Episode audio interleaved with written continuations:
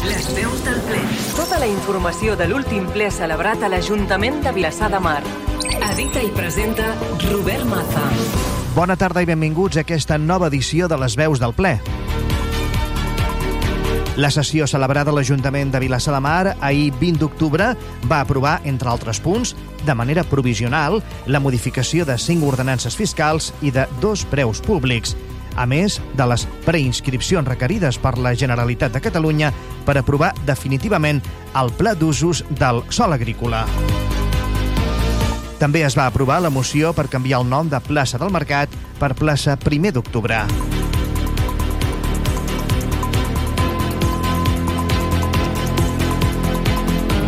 En la primera part del nostre espai us oferirem un ampli resum de la sessió plenària. I en la segona part recollirem, com sempre, la valoració que fan d'aquesta sessió les formacions polítiques de govern i d'oposició. Les veus del ple. El resum. A la sessió plenària va prendre possessió del càrrec de regidora, prometent el càrrec per imperatiu legal, Marta Rovira Martínez, per part del grup municipal d'Esquerra Republicana de Catalunya, Gent per Vilassar de Mar. Rovira portarà les regidories de Joventut, Igualtat, Transparència i Participació Ciutadana. El tercer punt de la plenària va aprovar la continuïtat del procediment per pagar les factures d'Urbàcer Societat Anònima referides a la recollida de residus. Es tracta de dues factures per valor de 281.120 euros. Com en plens anteriors, el punt es va aprovar amb els vots a favor d'Esquerra Republicana de Catalunya, Gent per Vilassar de Mar, l'abstenció de Ciutadans i el Partit dels Socialistes de Catalunya i el vot en contra de Vavor i Junts Vilassar de Mar. Els grups de l'oposició van reiterar els arguments que han exposat en altres plens sobre aquesta qüestió. La manca de contracte de recollida de residus urbans, vençut des de 2019, les diferents disfuncions que això genera en la prestació del servei i la crítica a la gestió del govern per traspassar la responsabilitat del pagament de les factures a l'oposició.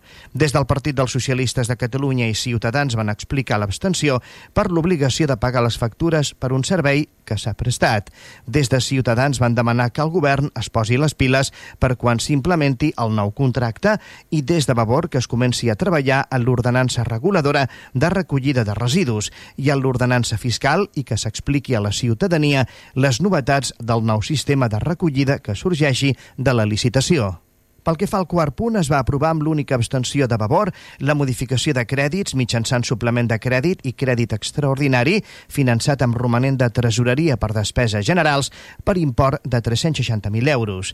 D'aquest import, el regidor d'Hisenda, Josep Soler, va explicar que 300.000 euros es destinen a ajuts extraordinaris que s'atorguen des de serveis socials i 60.000 euros a pagar una part del sou de tres nous treballadors a serveis socials. El Partit dels Socialistes de Catalunya Catalunya va destacar dades de l'informe tècnic que van demanar per obtenir més informació al respecte de la destinació d'aquests diners en què s'assenyalava com havia canviat la realitat social de Vilassar de Mar des de 2017, posant de manifest una dada significativa, la d'ajudes que es donen per alimentació, targeta moneder. Al 2017 rebien aquesta ajuda 20 persones, un total de 7.000 euros, i al 2021 la xifra augmentava a 1.965 persones beneficiàries, un total de 218.000 euros. Des del Partit dels Socialistes de Catalunya van demanar al govern que davant un tema que preveu ser conjuntural s'incorpori via partida al pressupost ordinari i no es faci servir la modificació de crèdit amb romanent de tresoreria.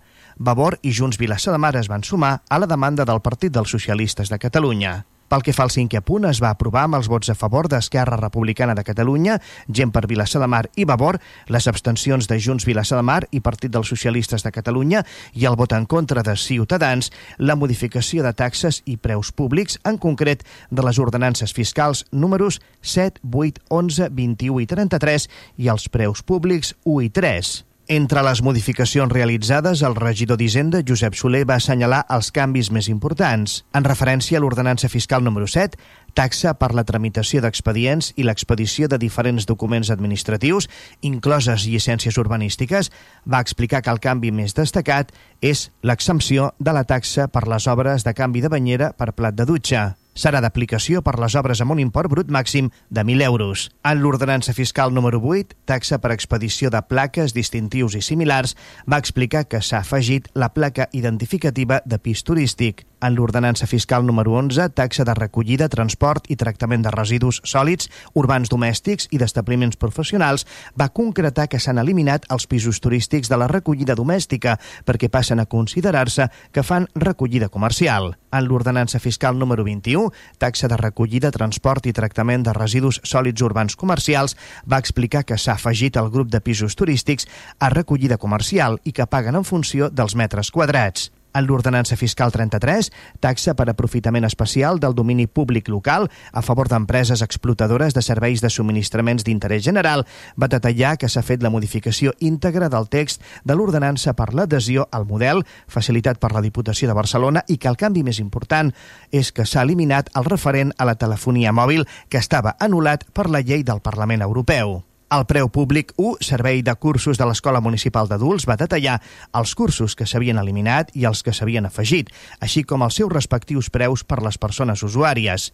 Així s'ha eliminat el curs de Cultura General, els cursos trimestrals d'informàtica i els cursos quadrimestrals de català, castellà i llengua estrangera i s'hi ha afegit el curs d'anglès de fins a 3 hores a la setmana, 60 euros, el curs d'anglès de 3 hores a més setmanals, 90 euros, el taller Competi, gratuït, els cursos trimestrals de menys de 3 hores a la setmana, 45 euros, i els de 3 o més hores setmanals, 60 euros, i també els cursos quadrimestrals de menys de 3 hores setmanals, 60 euros, i els de 3 o més hores setmanals, 75 euros. El preu públic 3, prestació de determinats serveis en l'àmbit cultural i social, Soler va explicar que s'havia eliminat del redactat del text l'Ateneu provisional i, com a canvi més destacat, que s'elimina la fiança prèvia que paguen les entitats quan demanen cessió de material a l'Ajuntament.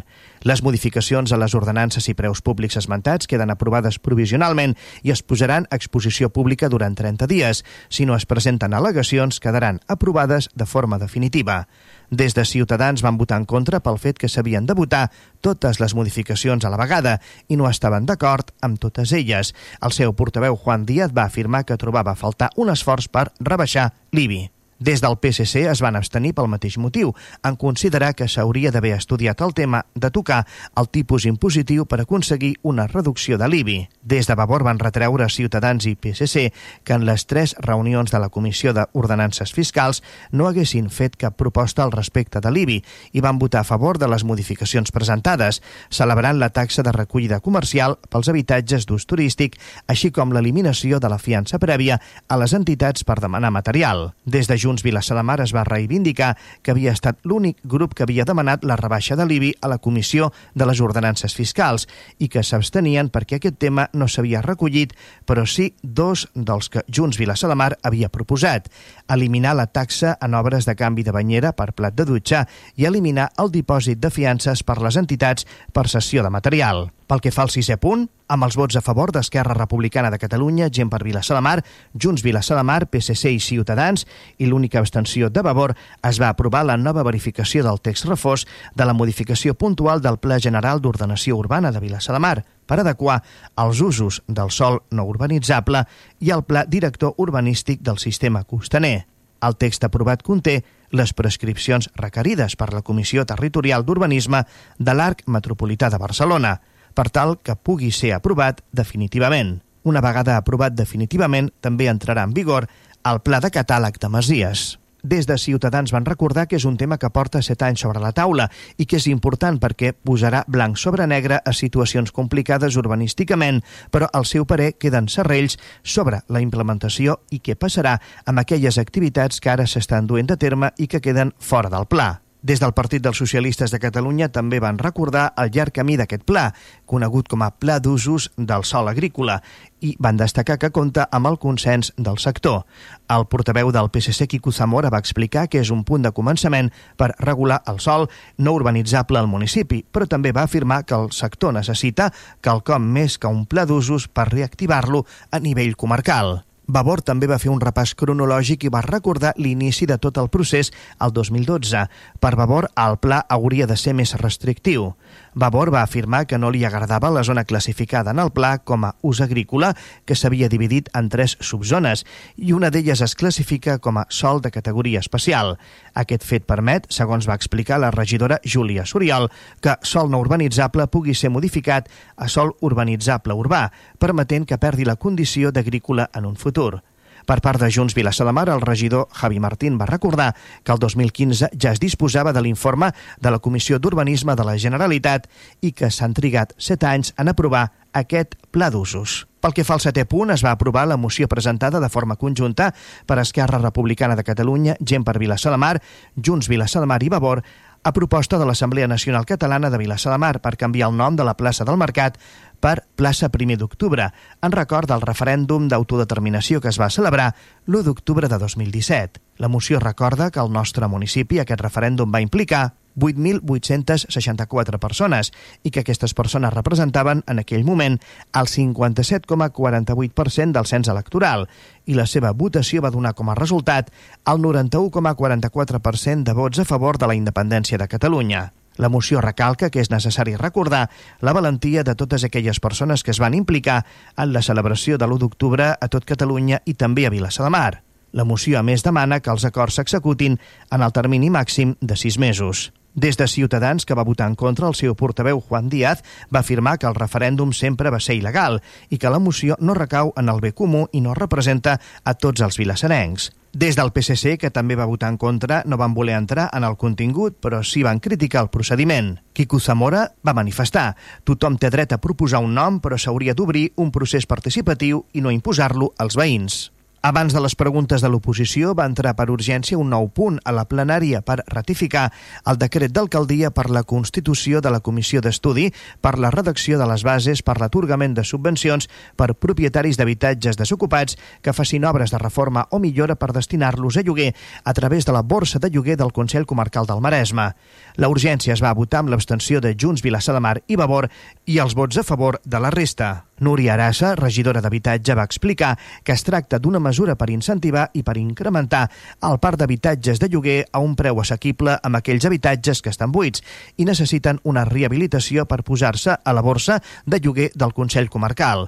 La Comissió d'Estudi establirà les condicions per ser beneficiari de la subvenció, definirà les despeses i tipologies de les obres subvencionables, així com les obligacions a assumir per part del beneficiari a canvi de l'atorgament tots els grups municipals van votar-hi a favor. En el torn de pregs i preguntes per part de l'oposició, Ciutadans va preguntar sobre la tala del pi que hi ha davant de la bressoleta de l'Avinguda Montevideo arran de les obres que es fan al carrer. Des del PSC van preguntar per la reposició de papereres i fanals i també que el govern aclarís les intencions que tenen al voltant del pi de l'Avinguda Montevideo, així com van mostrar el descontent del veïnat del Barato que es queixa de falta d'informació. També van preguntar per si l'Ajuntament es planteja obrir el consistori alguna tarda per donar servei al ciutadà i van expressar un problema de circulació a la Ronda Vilassar per una graella que ja no hi és i que feia que els cotxes no s'aturessin. També van preguntar el motiu pel qual l'Ajuntament no s'havia adherit al fons Next Generation de rehabilitació de centres escolars. Referent al PI, el regidor de Medi Ambient Joan Roca va explicar que el consistori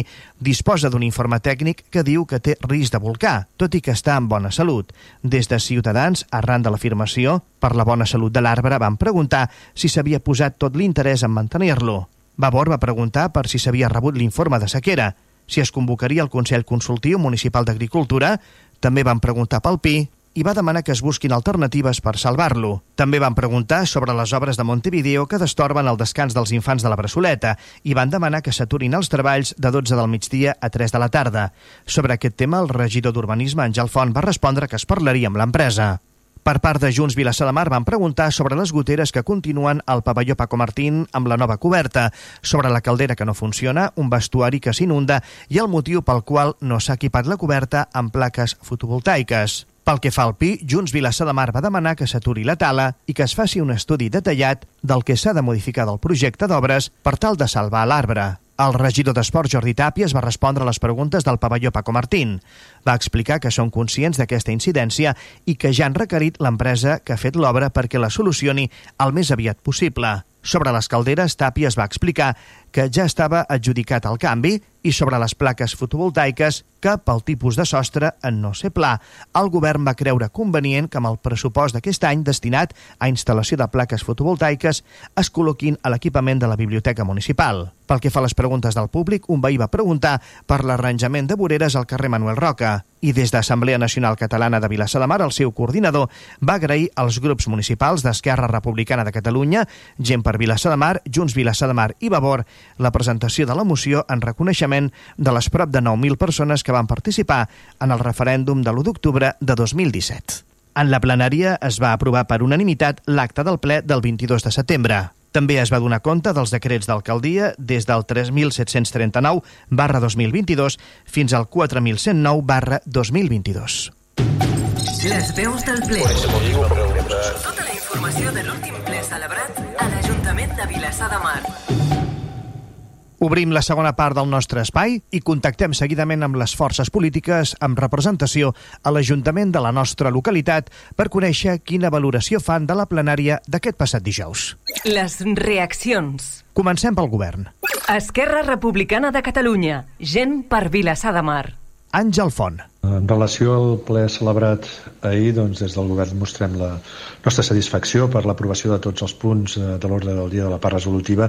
Però bé, en primer lloc m'agradaria destacar doncs, una pregunta que van formular tots els grups municipals en el ple d'ahir i és en relació eh, a l'avet, eh, el pi que tenim a la plaça del Barato eh, justament eh, davant de l'escola de la Bressoleta i tocant en aquesta plaça del Barato.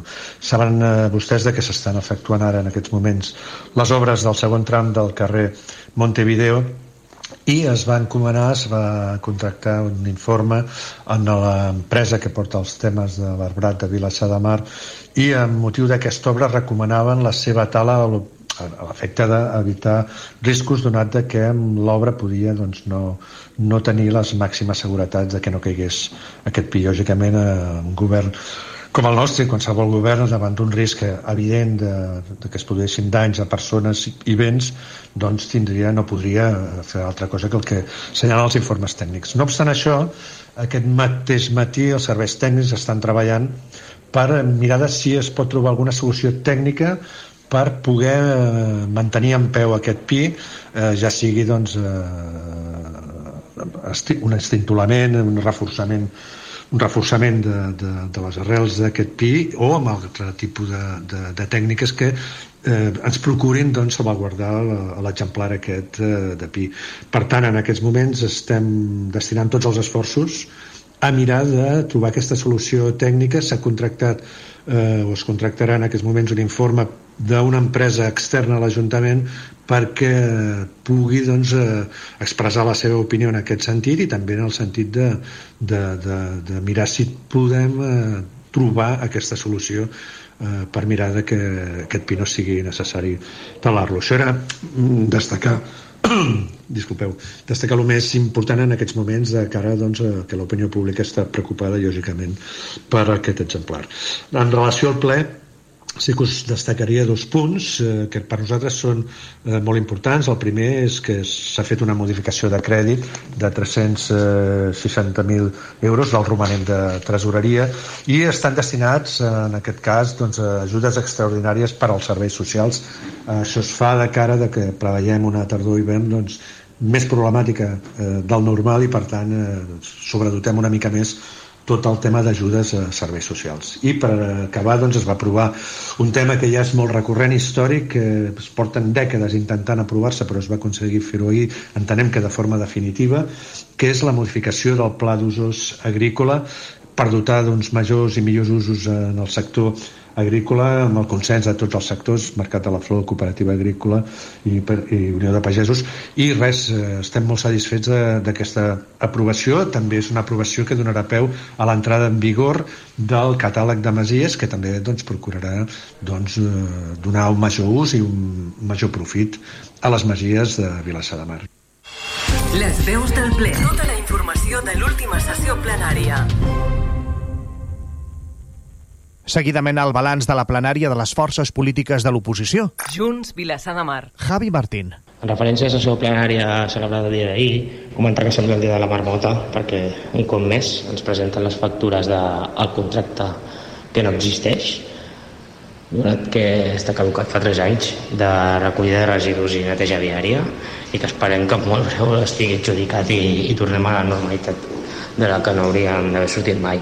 Per altra banda, com ja és habitual, ens trobem les modificacions de crèdit, eh, sobrevingudes per, per un excés de romanès, és a dir, perquè no han estat capaços de pressupostar com, com era adequat i com cada any sobren moltíssims diners perquè no són capaços de saber en què gastar-s'ho. I per últim comentar que, bueno, que es va aprovar l'última modificació del text de fos del pla d'usos amb els comentaris que, que ens ha requerit la, la Comissió d'Urbanisme de la Generalitat, doncs que sí que cal, cal mencionar que, que això ha passat massa temps, perquè han passat sis anys des del que es va néixer aquest procés i, i s'ha fet massa llarg i hi ha masses problemes pel mig. Vavor. Tamara Mateos. Des de Vavor ens agradaria destacar els següents punts del ple d'ahir. En primer lloc, i com a cada ple, es va portar a aprovació la convalidació de les factures d'Urbacel. Nosaltres vam tornar a votar-hi en contra perquè creiem que aquesta situació és intolerable. La deixadesa del govern i del regidor Joan Roca i la seva actitud de ni tan sols fer cap comentari al respecte, quan ple rere ple se li exigeixen explicacions i responsabilitats, ha arribat ja a nivells surrealistes. Ni tan sols s'han incorporat les mesures de control que ja fa temps van proposar des de Vavor per tenir un mínim control de la prestació del servei mentre continua aquest despropòsit. Per tot això, vam votar-hi en contra. Pel que fa a l'aprovació definitiva del Pla d'usos de sol no urbanitzable, ens vam abstenir. Tot i que estem molt contentes que després de tants anys i reunions es porti finalment l'aprovació del pla, des de Vavor creiem que s'haurien d'haver limitat més els usos de la zona agrícola. En aquest sentit, vam instar el govern a que es respectin els usos agrícoles i es posi en marxa una estratègia de dinamització del sector. Tampoc estem d'acord en que una de les subzones hagi quedat classificada com a sol de categoria especial, fet que permet que pugui ser classificat en el futur com a sol urbanitzable urbà, perdent la condició d'agrícola. Pel que fa a la moció que vam presentar des de Vavor, a proposta de l'ANC de Vilassar de Mar i juntament amb Esquerra Republicana i Junts per Vilassar, va quedar aprovada amb 16 vots a favor. Es va aprovar anomenar plaça 1 d'octubre a la plaça del Mercat, en record del referèndum celebrat el 2017 i que Vilassar va implicar 8.864 vilassarencs i vilassarenques que van custodiar les urnes mantenint els col·legis electorals oberts i defensant-los de les càrregues policials. Creiem que l'1 d'octubre és un exemple clar de la fortalesa de la societat civil organitzada. Finalment, destacar un dels temes que van sortir a pregs i preguntes per part de diversos partits de l'oposició en relació a la possible tala del Pi del Barato, que va ser plantat pels veïns i veïnes fa 40 anys. El regidor de Medi Ambient va comunicar que hi havia un informe tècnic on s'aconsellava la tala del pi per mesures de seguretat. Creiem que cal buscar totes les mesures necessàries per evitar la tala del pi, tant per la memòria històrica que suposa pel veïnat com per la necessitat de mantenir el màxim d'espais verds possibles al nostre poble. Ja ha passat masses vegades que després d'unes obres ens trobem amb que falta part o la totalitat de l'arbrat del carrer. Creiem que és urgent impulsar un pla director d'arbrat i espai verd amb una primera fase de replantat d'urgència i un estudi i actuacions a mig i llarg termini per augmentar els espais verds, guanyar espais d'ombra i mitigar i combatre els efectes del canvi climàtic a Vilassar de Mar. Partit dels Socialistes de Catalunya. Quico Zamora. Del ple d'ahir destacaríem, per sobre de tots, un punt que considerem molt important és la modificació de crèdit per aplicació de romanent de 360.000 euros per ampliar els serveis socials del nostre Ajuntament. Les dades que se'ns ofereixen són rellevants. Vivim una crisi permanent des del 2008, la crisi financera, el Covid i ara la crisi energètica, que amaga una realitat al nostre poble que moltes vegades no volem veure i però que la tenim a sobre. Les dades, com dic, són contundents. L'any 2017, els serveis socials del nostre municipi donava eh, ajuda a beneficiaris per eh, habitatge de lloguer i altres a 167 persones. A l'any 2021, 276. Per ajudes a subministraments de les llars, 129 eh, beneficiaris. I l'any 2021, 519 i ajudes per aliments, eh? atenció, ajudes per aliments, l'any 2017 20 beneficiaris per 7.000 euros i l'any 2021 1.965 beneficiaris per valor de 218.000 euros. Repeteixo, 1.965 beneficiaris d'ajudes per aliments de serveis socials per un valor de 218.000 euros. És una realitat que tenim a sobre i no podem ignorar dia a dia. I és necessari consolidar aquestes ajudes, eh, incluint eh, aquesta despesa al pressupost ordinari. No podem anar dissimulant eh, i presentant un pressupost fictici tenint aquesta realitat. Per tant, és urgent i necessari incloure eh, aquesta partida al pressupost ordinari que garanteixi la cobertura de serveis socials els propers anys. Ciutadans, Partido de la Ciudadanía. Juan Díaz. Primero de ahí quisiera destacar dos aspectos importantes. Uno de ellos es que seguimos sin contrato de, de residuos y limpieza viaria y que tenemos que volver a, a, a, pasar por el pleno las facturas de Urbaser porque estamos obligados a pagarlas, pero eso redunda, eh, el hecho de que no tengamos contrato redunda en tener un servicio deficiente, en que las, nuestras calles estén sucias, en que la eficacia de la recogida selectiva de residuos sea, sea menor, en que haya más ruido en la recogida porque los, eh, los camiones, los contenedores, todo está ya viejo y con necesidad de que se cambie.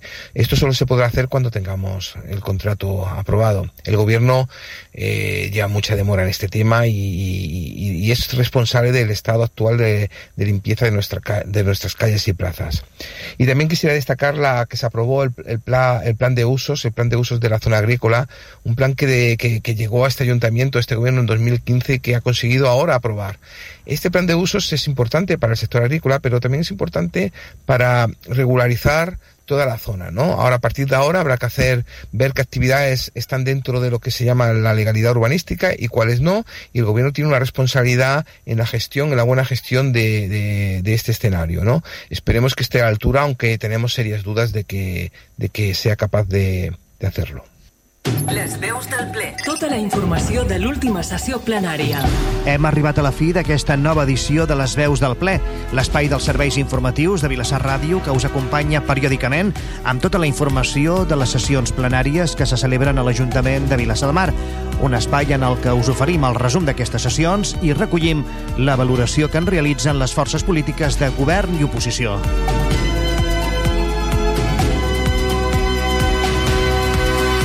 Recordeu que podeu tornar de nou a sentir les veus del ple i les sessions plenàries si entreu al web de Vilassar Ràdio que té com a adreça vilassarradio.cat i aneu a la pestanya Ràdio a la carta.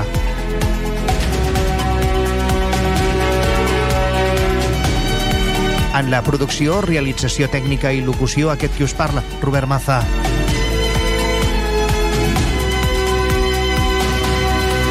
Moltíssimes gràcies per acompanyar-nos un dia més. Us esperem la propera edició de Les Veus del Ple.